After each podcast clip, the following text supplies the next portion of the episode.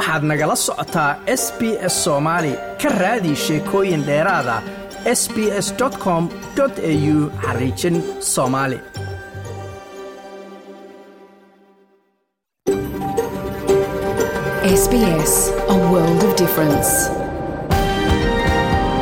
You're with SBS Somali on mobile, online, and on radio. Waxaad nagala socotaan s b s soomaali oo aad ka heli kartaan mobil online iyo rediyoga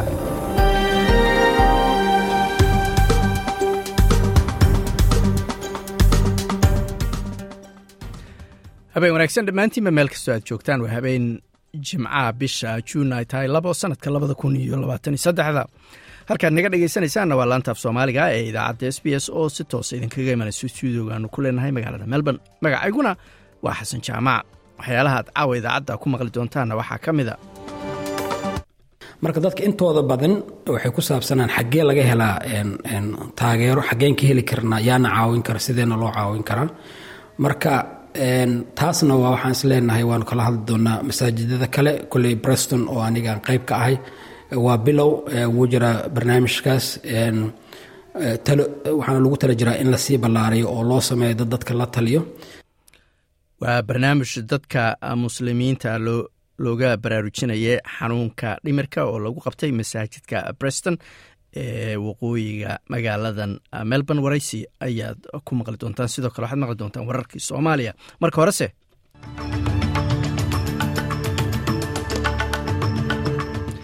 afar meelood oo meel shaqaalaha australia ayaa heli doona baa layidhi afartan iyo toddoba doolar oo dheeraada. Toddobaadkiibaa laga bilaabo bisha luuliya kowdeeda.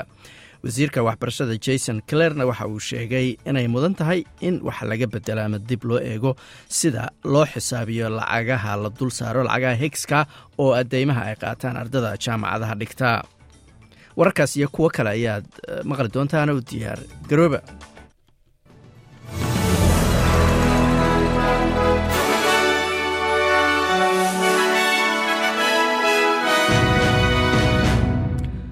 haddana waa warkii oo dhammaystiran ama buuxa. Afar meelood oo meel shaqaalaha australia ayaa heli doona baa layidhi afartan iyo toddoba doolar oo dheeraada.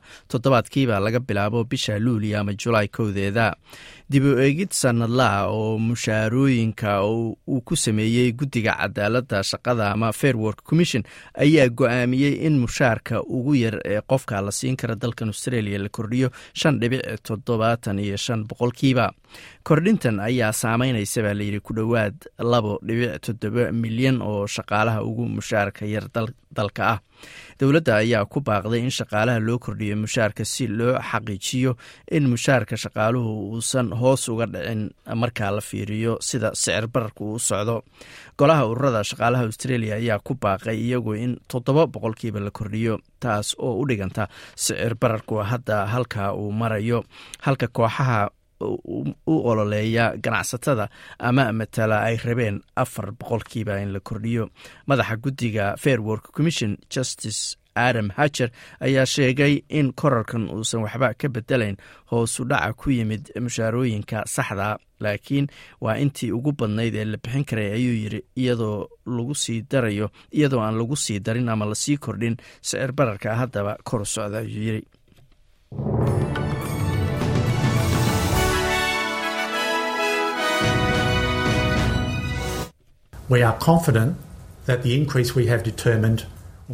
waxaan ku kalsoonahay buu yidhi in kordhintani aanay go'aaminayn ama qeyb ka qaadanayn markaasi in sicir bararku uu kordho ee ay tahay kordhin macquulah aysanna sababayn in mushaarooyinka ama korarka mushaarooyinku uu xadka ka baxo ama faraha ka baxo ayuu yidhi guddoomiyahaasi isla wararkaasi ayaanu ku jirnaaye. Waa wararkaasi mushaarooyinka ama dib u eegidda mushaarooyinka ku aadane guddiga markaasi ama golaha aan dhehee isu keena ururada shaqaalaha dalkan australia ayaa iyagu soo dhoweeyey go'aanka guddiga fair work commission la yidhaahdo xogeyaha a c t u sally macmanus ayaa sheegtay in korarkan uu yahay mushaar kordhin ay u qalmaan ama ay mudan yihiin shaqaalaha shaqooyinka xooggale ama aadka u shaqeeya. It is an absolutely essential increase for all of the people in Australia that are struggling so hard. waa kordhin aad muhiim ugu ah ayay tiri dhammaan dadka austareeliya ee dhibku ka haysto maciishadda iyo nolosha wakhtiga hadda la joogo. Oo ay ku adag tahay ayay tiri inay kirooyinka iska bixiyaan inay cuntooyinka soo gataan ama ay iska bixiyaan waxyaalaha aasaasigaa waa dadka waa dadka dhaqaalaha dalka xudunta u ah ayay tiri dadkaasi halkaad weli nagala socotaan waa laanta af soomaaliga ee idaacadda s b s.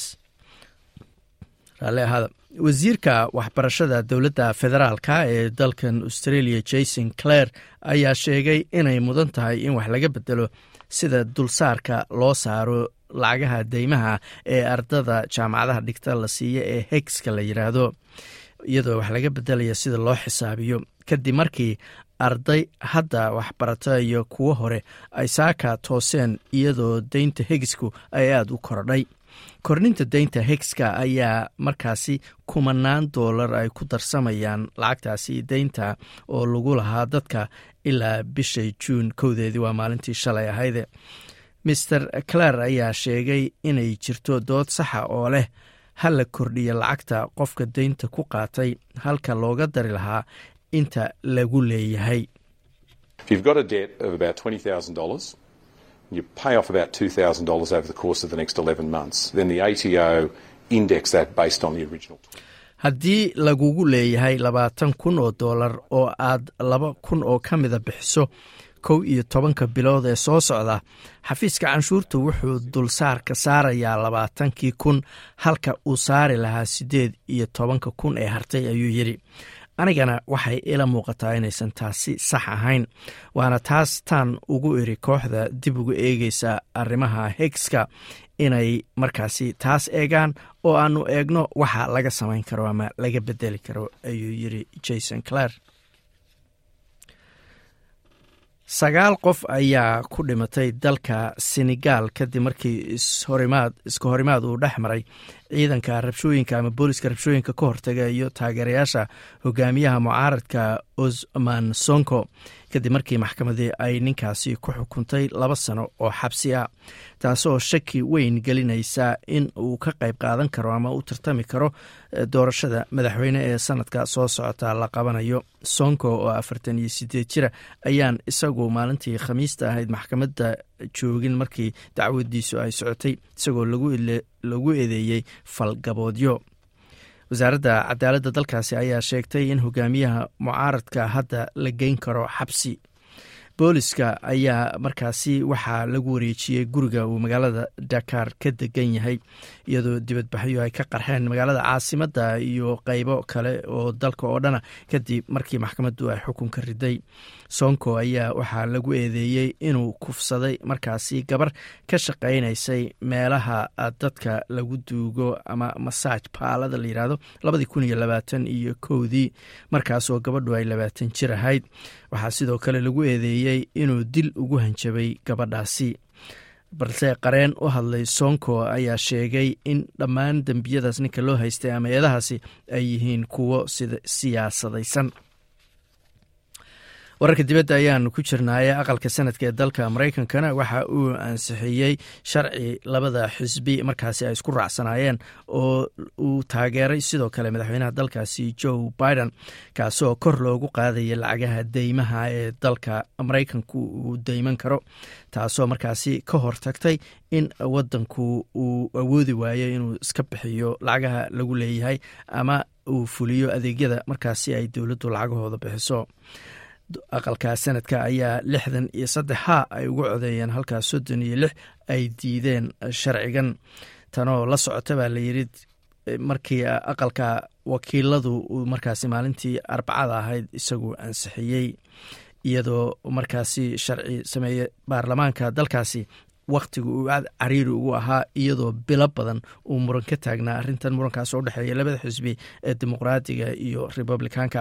Wasaaradda maaliyadda dalkaasi ayaa ka digtay in haddii heshiis si deg dega loo gaari waayey aysan awoodin inay iska bixiso biilasha marka la gaaro shanta bisha juun haddii kongaresku markaas uu ku guuldaraysto inuu go'aankan ama codkan baarlamaanka mariyo jack shumer oo ah ninka ugu sarreeya aqalka sanadka xisbiga talada haya ee dimuqraadiga ayaa u hambaliyeeyey madaxweyne biden inuu go'aankan ama markaasi heshiiskan la gaaray madaxda xisbiga jamhuuriga. Mr biden laftigiisa ayaa kongareska oo dhan waxa uu ku ammaanay tallaabadan ay wakhtigii loo baahnaa qaadeen. Isla wararka maraykanka ayaanu ku jirnay madaxweynaha maraykanka joe biden ayaa intuu turunturooday uu markaasi dhacay kadib markuu shahaadooyin sii bixinayay ama uu ka bixinayay xaflad markaasi qalanjabina oo lagu qabtay akademiyada ciidamada cirka ee dalka maraykanka madaxweynaha oo sideetan jira ayaa horay u turaanturooday kadibna gacmaha ayuu dhulka dhigtay oo isku celiyey kadibna waxa uu ku kacay mid ka mida jilbihiisa isagoo saddex qof markaasi ay garbaha hayaan oo caawinayaan. Kadibse kursigiisii ayuu caadi ugu noqday isagoo cidna markaasi aysan taageerayn. Master biden ayaa ah ninkii ugu weynaa ee oojagada ugu daaweynaa andhehe oojagada madaxweynenimada dalka maraykanka taariikhdiisa haya berita oo sabtiya saadaasha hawada magaalada bet waa inta badan cadceed iyo sagaal iyo toban digrii adelaide sidoo kale inta badan cadceed iyo laba iyo labaatan digrii melbourne xoogaa roobabal ayaa la filayaa iyo lix iyo toban digrii sydney qayb ahaan daruur iyo labaiyo labaatan digrii brisbanna waa qayb ahaan daruur iyo labaatan iyo shan digrii halka australian dollar maanta waxaa lagu sarifayey lixdan iyo lix senti oo lacagta maraykanka ah halkaad nagala socotaan waa laantaaf soomaaliga ee idaacadda s b s weli waxaa noo soo socda warbixintuu noo soo diray wariyahayaga magaalada muqdisho. Marka horese waxaa masaajidka breston ee waqooyiga magaalada melbourne lagu qabtay barnaamij bulshada muslimiinta looga wacyigelinayo xanuunada dhimirka kulanka ayaa waxaa ka hadlay xirfadlayaal xanuunka dhimirka bartay iyo culumo. Waxaa xiriirinayay barnaamijkaasi cabdicasiis faarax oo ah xogayaha masaajidka breston waxaanan weydiiyey bal ujeedada laga lahaa barnaamijkan waxaana uu yidhi cabdicasiis walajeedada barnaamijkan wuxuu ahaa in muslimiinta lagu wacyigeliyo xanuunka dhimirka in uu yahay xanuun la mid ah sida jirko kale xuduudna uusan lahayn dhaqanna uusan lahayn diinna uusan lahayn qof kastana si isku mid ah ay u saamayso. Marka waxay ahayd bilow wacyigelin oo loogu talagalay dadka muslimiinta ahi annagoo isku keenay qof professional psychologist ah oo ka hadla xagga maaragtay caafimaad ahaan u hadla iyo qof imaam ah oo sheekh ah oo ka hadla diinta islaamka waxa ay ka qabto iyo sida diinta islaamka ay u aragto xanuunka dhimirka. Waa garta maadaama aad xiriirinaysay marka su'aalaha ugu waaweyn ama ugu muhiimsanaa oo aad weydiinaysay labadaas qof maxay ahayd su'aalaha ugu waaweyn waxay ahaayeen horta waxaa wax badan soo noqnoqda qof muslim ah oo islaamnimadiisa ay fiican tahay ma ku dhaca xanuunka dhimirka. Dad badan baa waxay u arkaan in xanuunka dhimirka uu yahay ciqaab xagga eebe ka timid oo lagu ciqaabayo qofka dembi uu galay ama ay u arkaan dacfi xagga iimaanka ah oo qofka uusan lahayn iimaan ku filan saas darteedna ay ugu dhaca xanuunka dhimirka ah. Taasna sheekhi maanta jooga waa uu ka hadlay gabadhi psychologist ahayd labaduba aad ayay uga hadleen. Iskuma xirna qofka iimaankiisa iyo islaamnimadiisa iyo xanuunka dhimirka. Dhimirka wuxuu la mid yahay sida xanuunka ku dhaca qofka jirka ooga dhaco oo kale.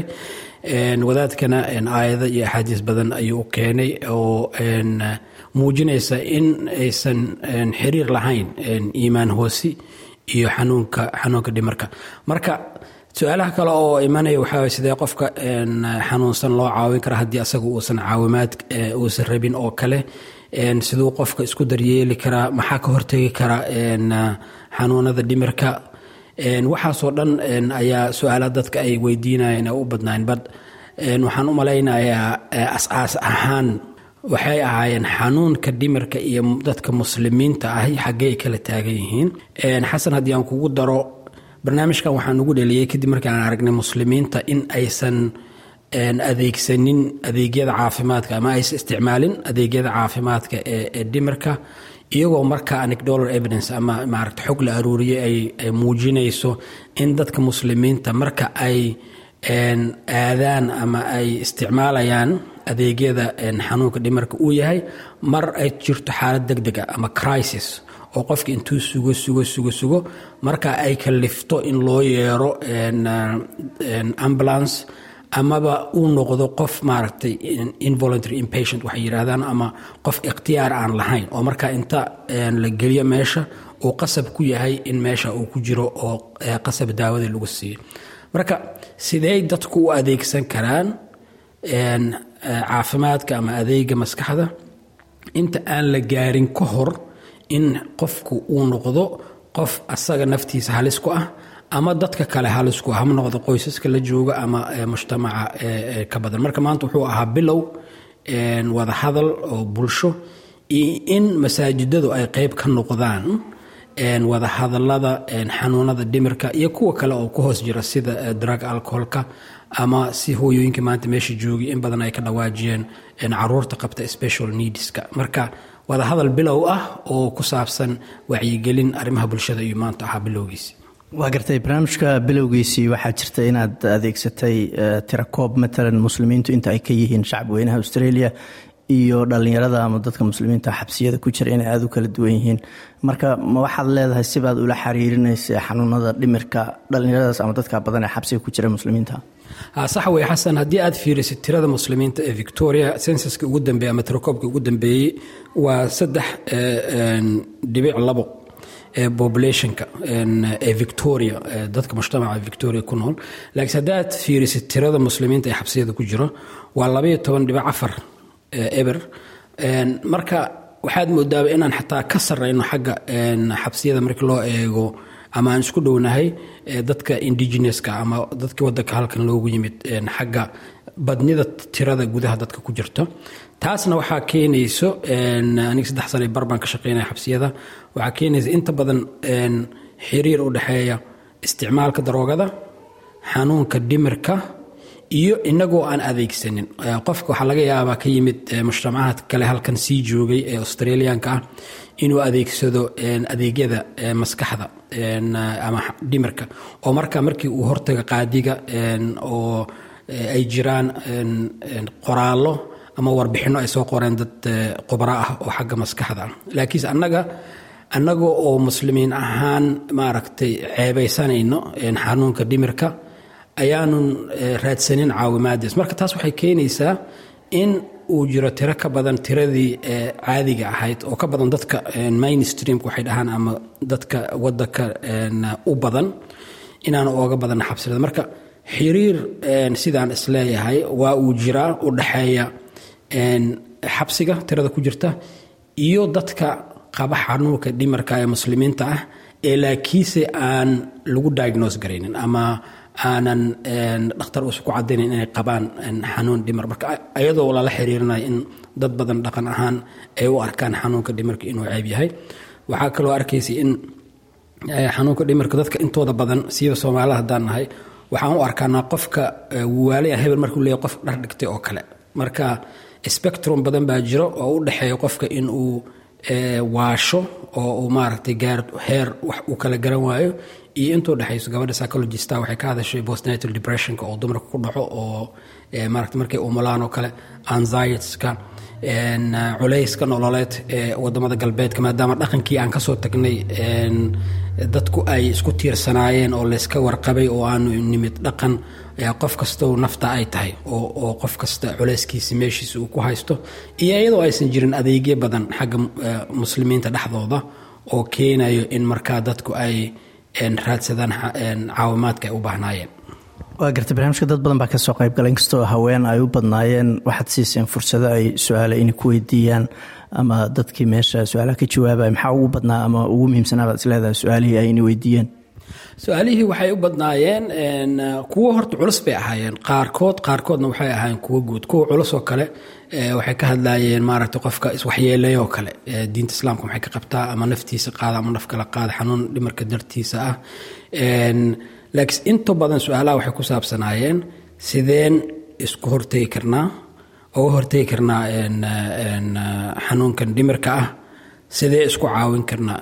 Waxaana soo baxday maanta ugu yaraan meesha hadda mowduuca aan ku jirnay. In uu soo baxay sawir ah in muslimiinta intooda badani adeegyada masaajidada ay bixiyaan. Dadka muslimiinta inta badan waxay isku xiran yihiin masaajidada. Soomaalida hadda aragta meesha keliya ay isku raacsan yihiin waa masaajid. Muslimiinta kalena sidoo kale waaye. Waxaa soo baxday maanta sawir ah in masaajidadu ay ka gaabiyeen adeegyada bulshaawiga ah adeegyada mujtamiciga ah sida xanuunka dhimirka oo kale iyo wacyigelintiisa iyo adeegiisa marka dadka intooda badan waxay ku saabsanaan xaggee laga helaa taageero xaggeen ka heli karnaa yaana caawin kara sideena loo caawin karaa. Marka taasna waa waxaan is waanu kala hadli doonaa masaajidada kale. Kulley breston oo anigaan qayb ka ahay waa bilow wuu jiraa barnaamijkaas waxaana lagu tala jiraa in la sii ballaariyo oo loo sameeyo dad dadka la taliyo marka soomaalida iyo dadka kale ee muslimiinta ahna waa ku wacyigelin doonaa khaasatan kuwa jooga masaajidada maadaama dadku ay maal gashteen masaajidada oo masaajidada dahabkooda dumarku ay u gadeen ayagu ay dhisteen. Sidii haddana maaragtay loogu loogu sii taageeri lahaa oo loo adkeyn lahaa adeegyada ay bixiyaan oo uusan u noqonin oo keliya meel qof raba inuu tukado ku tukado kadibna gurigiisu iska aado. Laakiinse ay noqdaan meelo looga adeega mujtamaca danaha ay leeyihiinna looga fuliyo waa gartay waxaa kaloo ku jiray su'aalaha hooyooyin ka cabanaya in aabbayaashu aysan ka caawin gaar ahaan kuwa haysta carruur baahi gaara qaba oo matalan naafaa jawaab markaasi waafiya waxaan is leeyahay lama siin. Marka maxaad arrimahaas ma soo noqnoqdaan ma lays weydiiyaa in aabbayaashu ay ka maqan yihiin doorkoodii? Barnaamijyo noocaasana waalidka ama aabbayaasha lagula hadlose niyadda maynay ku jirtaa inaad ku soo dartaan barnaamijyadan xasan saa arkaysa intii badnayd dadka meesha joogay waxay ahaayeen dumar. Inkastoo aan arkay tiradii rag ugu ballaareed ee barnaamij caynkana ka soo qaybgala maanta oo yimid. Haddana markii loo barbardhigo dumarka aad bay horaayeen way jirtaa arrintaas waalidiinta meel kasta wey ma aha mid ku kooban oo keliya xanuunka dhimarku haddaad tagtid meelaha waxbarashada haddaad tagtid xabsiyada haddaad tagtid barnaamijyada adeegyada daroogada iyo alkoholada. Inta badan dumar unbaa maaragtay socda oo ilmihii la daala dhacayo ayagii unbaa maaragtay noloshii la halgamayo.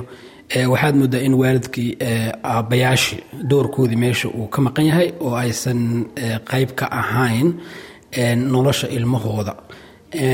Haddii la sameeyo barnaamijya saan oo kale ah annaga hadda af soomaaliya aan ku hadlaynaa muslimiinta kale marka laga soo tago khaasatan soomaali ahaan inta badan ma yimaadaan ragga meelaha looga hadlayo mowduucan oo kale soomaali ahaanna maanta aadan aadan ugu yareyn imaashaha halkan muslimiinta kale ayaa naga badnaa. Marka waa dhibaato jirto anigu waxyaaba badan baan maaragtay ku jiraa oo adeeg mujtamac ah. Markaad tagtid maxkamadaha oo kale hooyo unbaa socota. Markii aad tagtid treatmentiga barnaamij oo muslimiinta loogu talagalay baa jira oo dragon alcoholka ah hooyo unbaa soo wacaysa soomaalida khaasatan hooyo unbaa ooyinaysa hooyo unbaa dhibka wata. Markii aa weydiista aabaha meeshuu joogana uu jirana waa joogaa magaaladu ayuu joogaa laakiin qayb kama aha. Hooyadiina waa dadaaleysaa waana tan keentay baan is leeyahay daraasad inkastoo aan laga samaynin in dadka intooda badan ee dhibka ku jira ay yihiin wiilasha oo gabdhuhu ay yihiin gabdho waxbartay soomaaliya haddaa fiirisid meelaha professional settingka oo shaqooyinka haddaa aragtid gabdho ay u badan yihiin jaamacada haddaa aragtid gabdho ay u badan yihiin. Iskuulaadka markaan la shaqaynana dadka ugu firfircoon buundooyinka ka fiican keena ay gabdhihiyiin marka waxaan is leeyahay taas waxaa keenaysa doorkii hooyada oo ay ka soo baxday laakiin doorkii aabihii oo maqan. Marka ma aqaan sidii taas wax looga bedeli karo laakiinse waa wax muuqda in muslimiintu guud ahaan soomaalida gaar ahaan ay aabbayaasha ka maqan yihiin doorkoodii ay lahaayeen inta badan shaqooyinka caadiga aan qabanno aabbuhu inta badan wuxuu yimaadaa sheekada soo galaa mar ay maaragtay arintii waxba aan laga qaban karin. Markaas buu ku soo wacayaa waxaan qaban karnaa inta horeyso oo dhan oo wax laga qaban karo hooyo ayaa jirto. Hooyadii waxyaaba maanta ay ka hadleen hooyooyinka meesha yimid. Waxaa ka mid ahaa culeyska korinta ilmaha in uu ayagu saaran yahay hadday noqoto isbitaal geyn hadday noqoto iskuulka inay tagaan. Taasna ay dhibaato u keenayso caafimaadkooda oo dhimirka iyo maskaxda. Marka waxaan kula buurin lahaa waalidiinta ragga ah ee aabbayaasha ah in ay arintaas wax ka bedelaan xasan waxaa kaloo jirto burburka qoysaska ku yimaado. Waxyaaba fara badan baan ka aragnaa. Burburka qoysaska ku yimaado markii ay aabbihii iyo hooyadii kala tagaan. Waagii soomaaliya la joogay hooyooyinka ayaa ilmaha ku tuuri jiray nimanka. Laakiinse hadda waxaad moodaa in uu isbedelay oo aabbayaashii hadda ay ilmihii ku tuuraan marka haddii la kala tegay waxaad moodaa in aabbihii ilmihiiba uu ka tegay oo furitaankii islaantii hooyadooda uu furay ayagana uu isla processkaas ku furay oo ku divorceka uu ku dhacay. Waana mas'uuliyad saaran aabbayaasha dad waa kala tagaan weligeedana kala tegi jireen.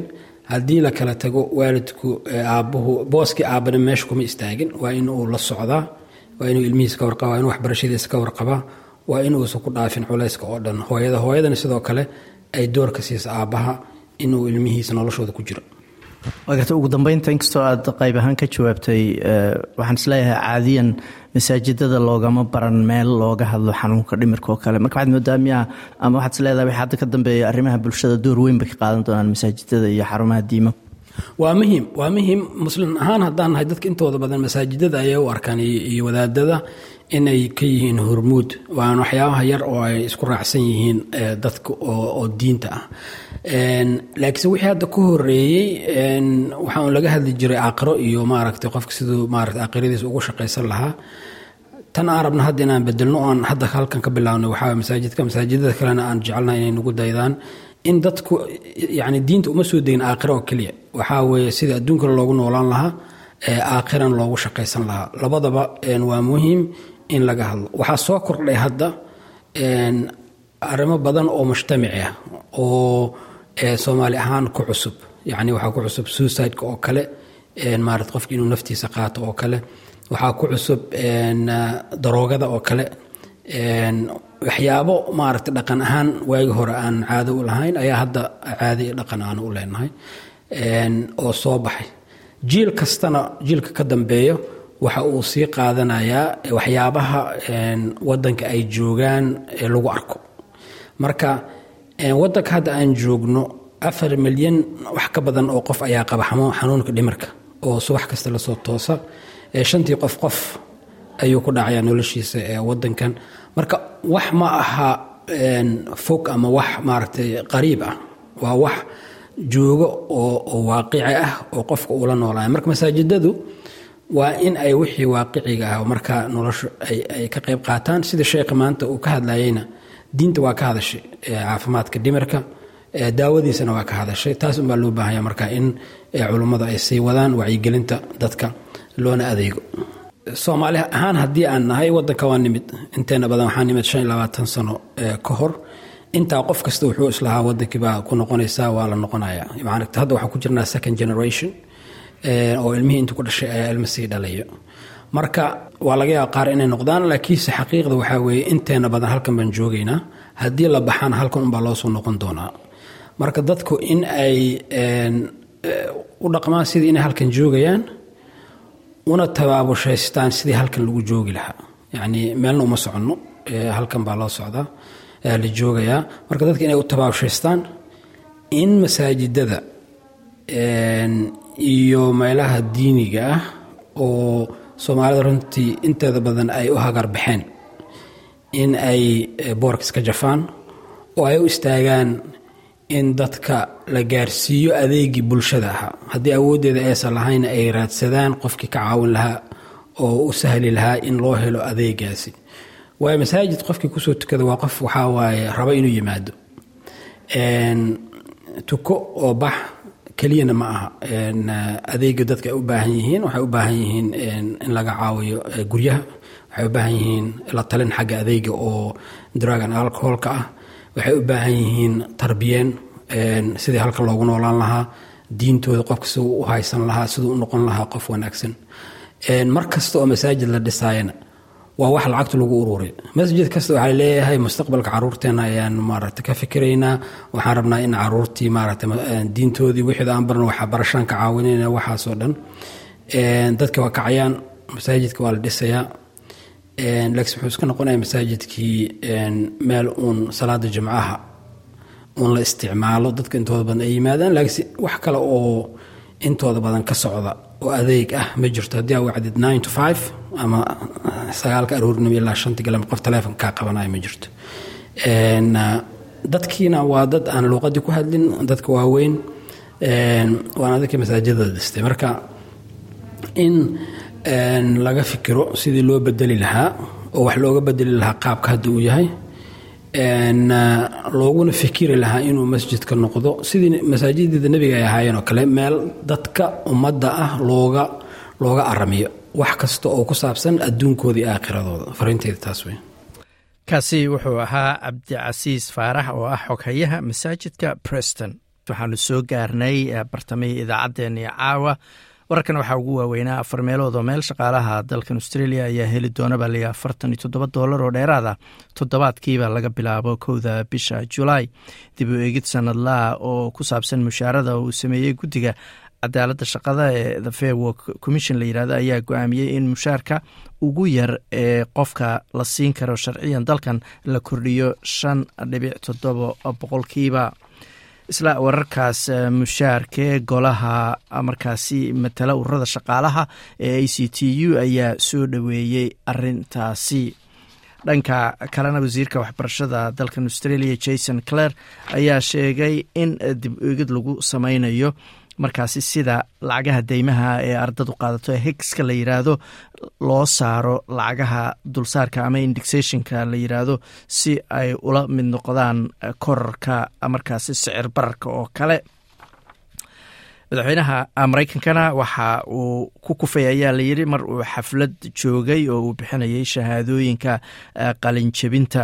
Madaxweynaha oo siddeetan jira ayaa markii dambe gacmaha isku qabtay oo markaasi sidaas kadibna uu soo kacay iyadoo dad ay caawinayaan. Laakiin markii dambe kursigiisa caadi ayuu ugu noqday baa layidhi aqalka sanadkana waxa uu ansixiyey sharciga lacagaha deymaha ee dalkaas uu qaadan karo lagu kordhinayo kaasoo wadahadal dheeraado ballaaran ay ku wada jireen labada xisbi ee dalkaasi ugu waaweyn. Waa democratska iyo republicanka aqalka sanadka ayaa lixdan iyo saddex.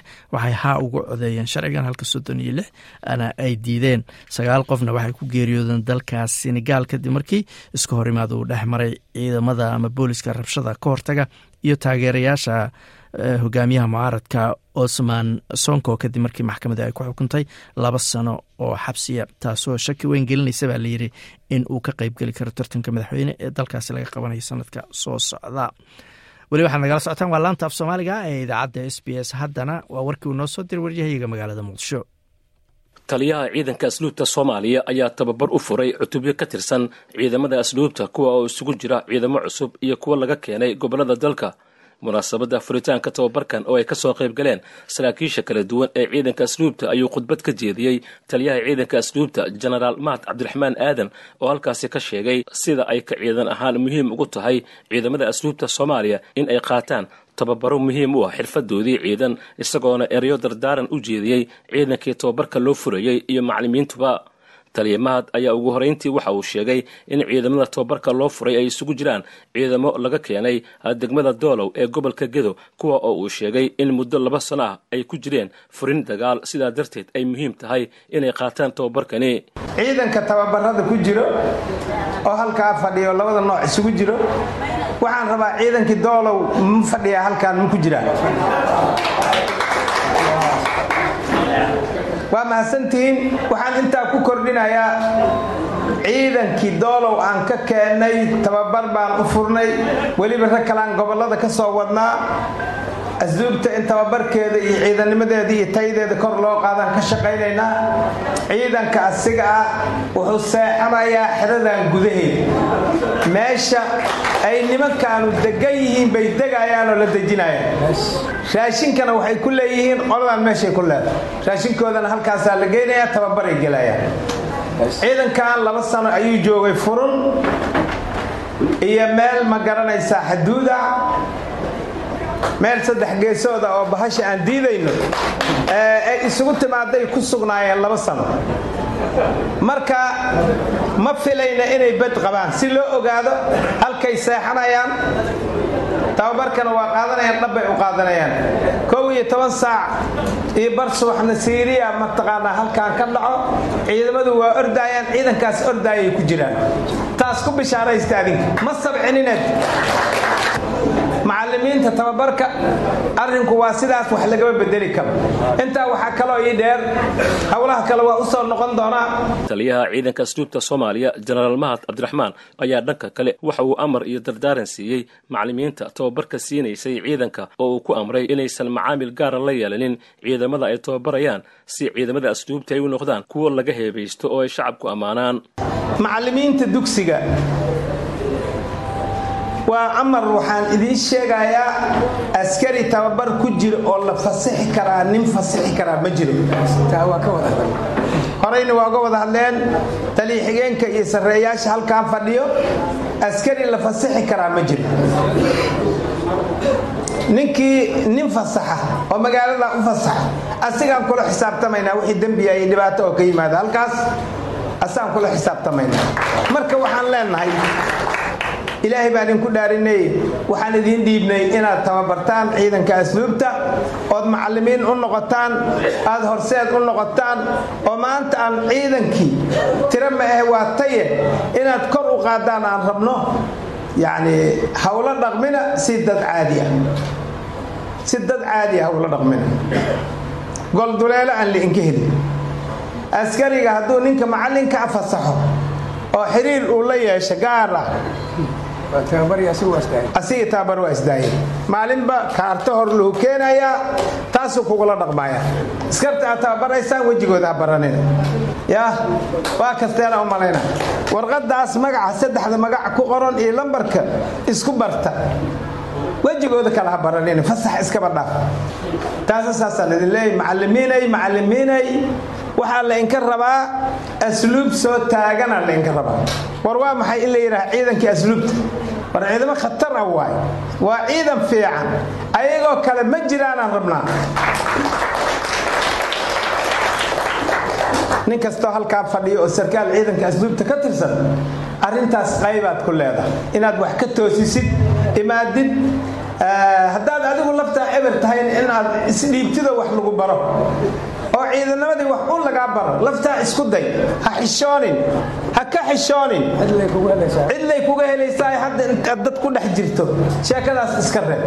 Dhanka kale gudoomiyaha gobolka banaadir ahna duqa muqdisho yuusuf xuseen jimcaale madaale ayaa xariga ka jaray buundo cusub oo laga hirgeliyey waddada buuluxuubey ee degmada wadajir ee gobolka banaadir. Buundadan oo uu maamulka gobolka banaadir xariga ka jaray ayaa laga dhisay laamiga dheer ee xaafadda buuluxuubey ee degmada wadajir halkaasoo gawaarida iyo mootooyinka ay si xawli ah ku marayeen islamarkaana ay inta badan ka dhashaan shilal iyo waxyeelo kale oo soo gaarta shacabka gaar ahaan ardayda iyo dadka waaweyn ee waddada goynayay. Munaasabada xarigjarka oo uu gudoomiyuhu ka hadlay ayaa waxaa sidoo kale goobjoog ka ahaa gudoomiye ku-xigeenka siyaasada gobolka banaadir maamulka degmada wadajir iyo mas'uuliyiinta shirkada hirgelisay dhismaha buundadaasi.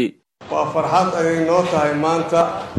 Buundadii aan maalmo ka hor dhagax dhignay inaan maanta oo kowdii bishii lixaad ah inaan xarigga ka jirno iyadoo dhammaystiran farxad iyo guul ayay noo tahay si gaarana waxay ugu tahay fursad dhallinyarada dhigata iskuulaadka wax ka barato oo rabaan markay rabaan inay waddada gooyaan dhib badan kala kulmi jiray maanta inay halkaas ay maraan ay ayagoo badqaba ay ka degaan dhinaca kale waa guul noo soo yatay alxamdulilah sida ay ka wada dhawaajiyeen guddoomiyaha degmada iyo guddoomiye ku-xigeenka master yabohba markii aan nimid waa tijaabadii ugu horraysa meesha aan ku samayna waxay aheeday waddadan danwadaagta oo aan ku dhisnay iskaashi aan ku dhisnay alxamdulilah maantana waa buundadii ugu horraysay ee dadku ay maraan oo aan ka dhisnay idina isla waddadii danwadaag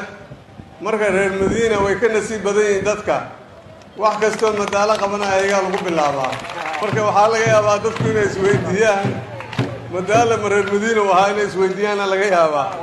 Runtii waa barnaamij dhexalgal ah oo aan rajaynayno dalkayna horumarkiisa inaan ka wada qayb qaadanno guddoomiye madaale ayaa hoosta ka xariiqay in lacagta ku baxday dhismaha buundadan iyo war biyo fariisad ahayd oo halkaasi ku taalay ay gaarayso hal milyan iyo shan boqol oo kun oo dollar oo uu sheegay inay ka timid ardayda dhigata. Dugsiyada ku yaalla degmada wadajir sida uu yidhi maxaa yeelay waxay ku tusaysaa markaan waddadan bilaabayna berigii waxaa la yidhi hal milyan iyo boqol iyo konton kun oo doolara waa ku baxayso macalwarta.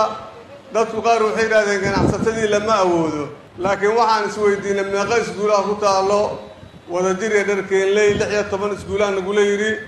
Iskuul kasta meeqa ardayaa dhigata intaasoo arday halkii arday hadduu hal mar hal shan doolar dhiibo hal milyan oo lacaga ka soo xaadirayso waddadii inta bilaabatay noo dhammaanaysaa. Sidaasaan ku howlgelinay. Sidii ayada ahayd ayaan waddadii noogu bilaabatay. Waxaan rabnaa mashruuca dalkaa ku dhisa hal doolar idinka marti idin yahay reer madiina gabdhaha iyo wiilasha ee ardada waxaan rabnaa inay doorkooda ka qaataan lamiloogowga ah annagana waxaan rajaynaynaa magaaladiina inaan idinkugu celin oo idinkugu qurxin haddii ilaa idhaahdo waa mahadsantihiin ma rabna dadka inaan waqti badan ka qaadno. Jidkii ayaa xihan sidaa darteed halkaasaan rabaa inaan ku soo koobo. Buundadii waa noo furan tahay. Waa la tijaabi karaa. Haddana iyadaan dul mari doonna haddii la idhaahdo intaan aan ku laabanaynaa.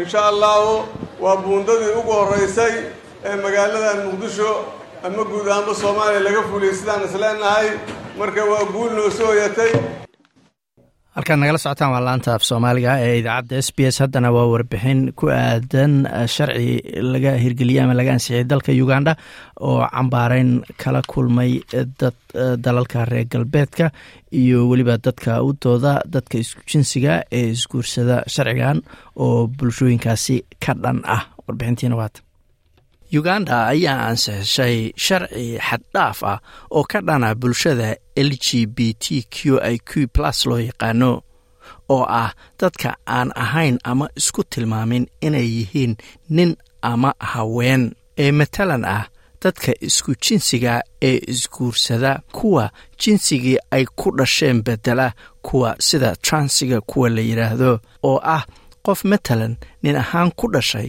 laakiin haween isu beddelay. Sharcigan ayay dalalka reer galbeedka ahi cambaarayn weyn u soo jeediyeen. Waxay sidoo kale cara weyn ku dhex abuurtay dadka u dooda ama u ololeeya xaquuqda kooxahaasi ee qaaradda afrika. Sharcigan ayaa waxaa ku jira ama ka mid ah in ciqaab dil ah lagu xukumo qofkii lagu helo waxa sharcigan cusubi uu ku sheegay falka laba qof oo isku jinsiya oo isu taga oo aad u daran.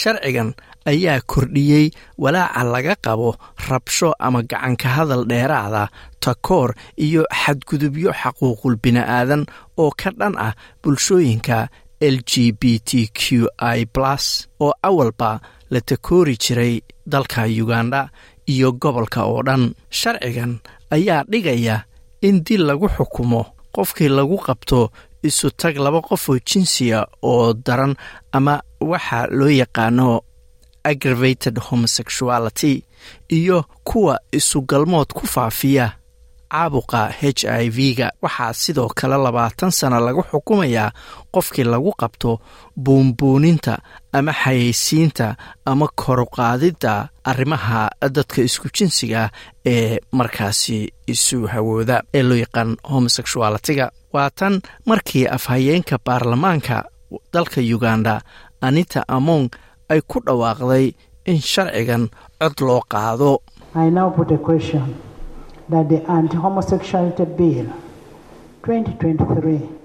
hadda su'aashii ayaan ini hordhigayaa maadaama kooramkii aynu haysanno. Waxaan ini hordhigayaa sharcigan looga soo horjeedo dadka isku jinsiga ee markaasi isu taga oo madaxweynuhu uu soo celiyey. In markii saddexaad la akhriyo lana ansixiyo. Intiina raacsan haa dhaha ayay tiri. Intiina diidanna maya markii codka la qaadayna sharciga waa la ansixiyey. Sidaasna waa uu ku dhaqangalay azuman basalirwa waa siyaasi yugandhiisa waana qofka ka dambeeyey sharcigan ka dhanka ah dadka isku jinsiga ee loo bixiyey anti homosexuality bill of wuxuu sharaxayaa waxa loola jeedo kelmadda aggravated homosexuality ama isku tagga dadka isku jinsiga ee aad u daran ama aad u weyn oo ah dembiga dilka lagu mutaysan karo.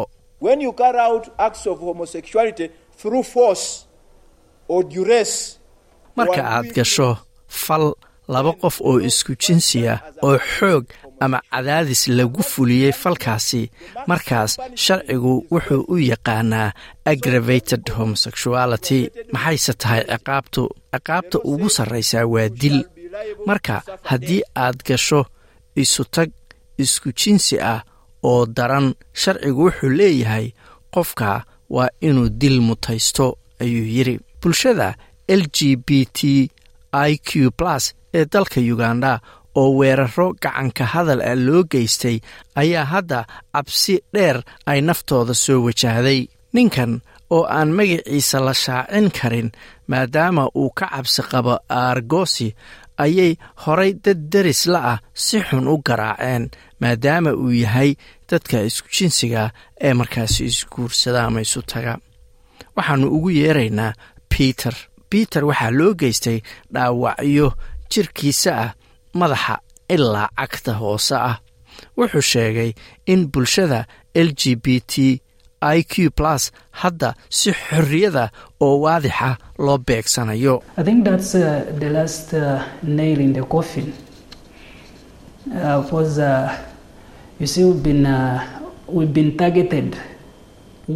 Waxay ila tahay in sharcigan uu yahay musbaarkii u dambeeyey ee naxashka sababtoo ah waxaad arkayseen in bulshadan la beegsanayay ka hor inta sharciganba aan la bilaabin. Haddase waa arrin cid walba ay ka wada hadlayso oo loo fasaxay dadka inay dhibkaasi geystaan. Wixii ka dambeeyey markii la saxiixay sharciganna macnaheedu wuxuu yahay buu yidhi in dadka la xirayo oo xabsi la geynayo qaarkoodna laba dilayo musafa okwara waa qareemad ka tirsan hay'ad xuquuqul bini'aadana oo u dooda dadka isku jinsiga ee isguursada oo fadhigeedu yahay kenya. Waxay ku raacsan tahay aragtida peter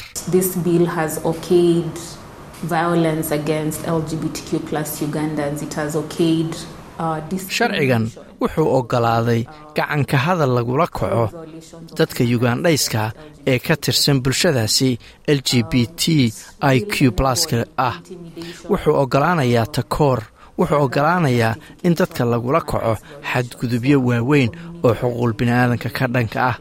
Wuxuu awood u siinayaa dadka in la handado dadkaasi qiil dheeraad ahna loo helo xadgudubyo xuquuq bini'aadanka ka dhana oo lagula kaco bulshadan awalba aad la takoori jiray. Christian rumu wuxuu ka tirsan yahay amnesty international. Wuxuu sheegay in shuruucda ka dhanka ah bulshadan ay cawaaqib xun ku yeelanayso afrika oo dhan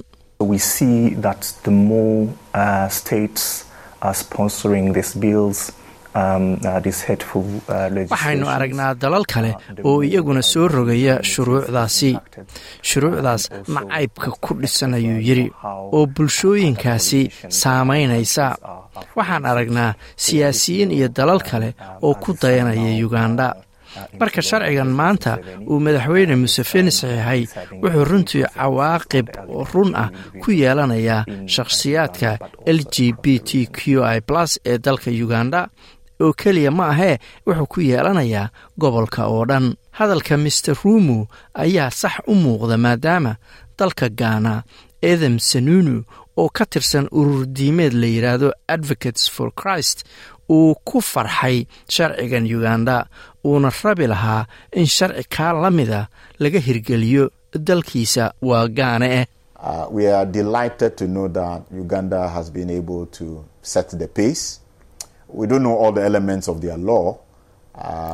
waxaan ku faraxsanahay in uganda hadda albaabka ay furtay.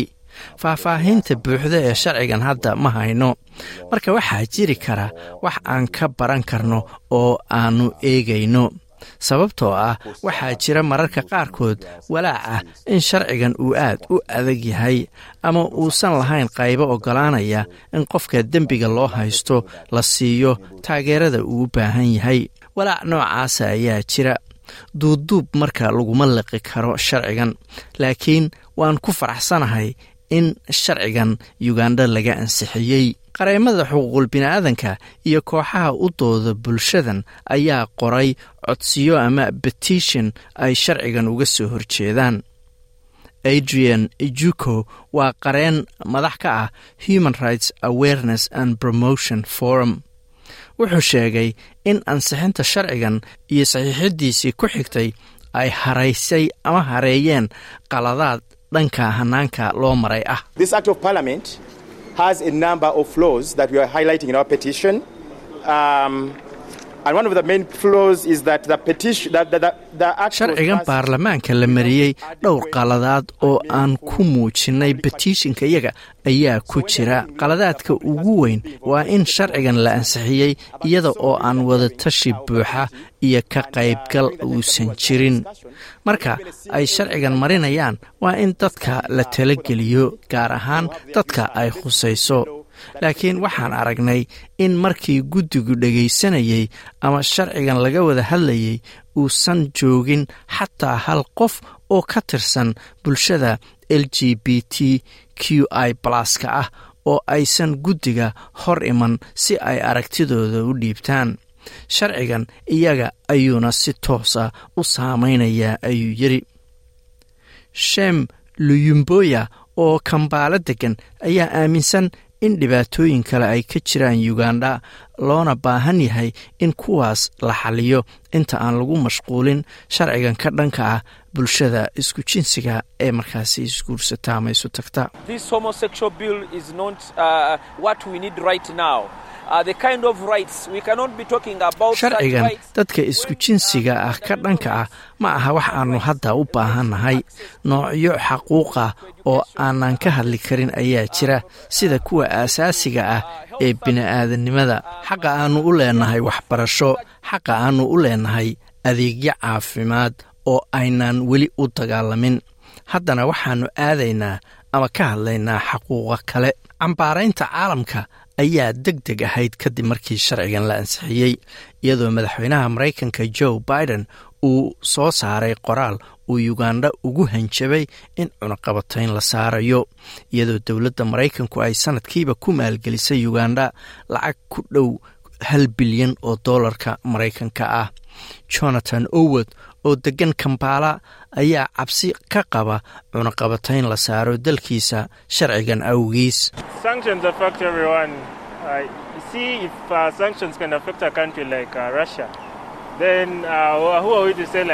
Cunaqabatayntu cid kasta ayay saamaynaysaa sida aad aragtaan cunaqabataynta saamaynaysa dal sida ruushka oo kale ah yaa dhihi kara marka annaga nama saamaynayso haddii adduunku ku jarana cawaaqib ayaa markaasi kaa soo gaaraysa ama dhibaato ayuu yidhi. Alex cofi donkor waa madaxa urur loo bixiyey l g b t plus rights gaana ama ururka xuquuqda l g b t da ee dalka gaana wuxuu wax lala yaabo u arkaa in dadka lagu ciqaabo inay noqdaan cidda ama waxa ay yihiin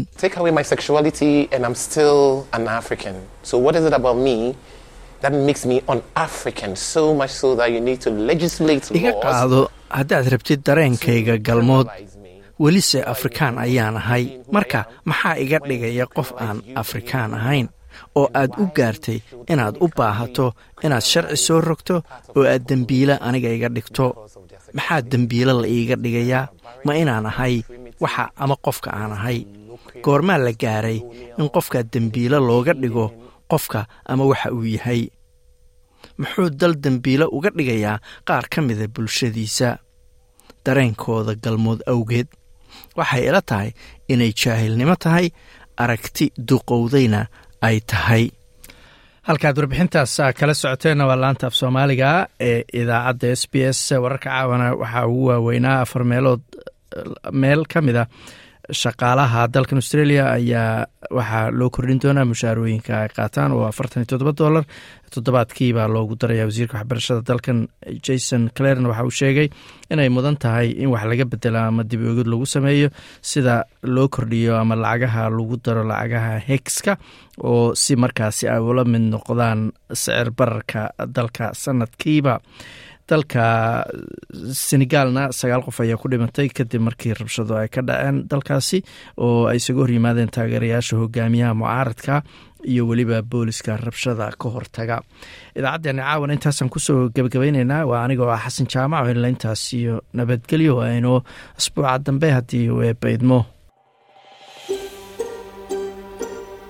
ma doonaysaa sheekooyinkan oo kale? Ka dhegayso apple podcast google podcast spotify ama meel kasta oo aad bodkastigaaga ka hesho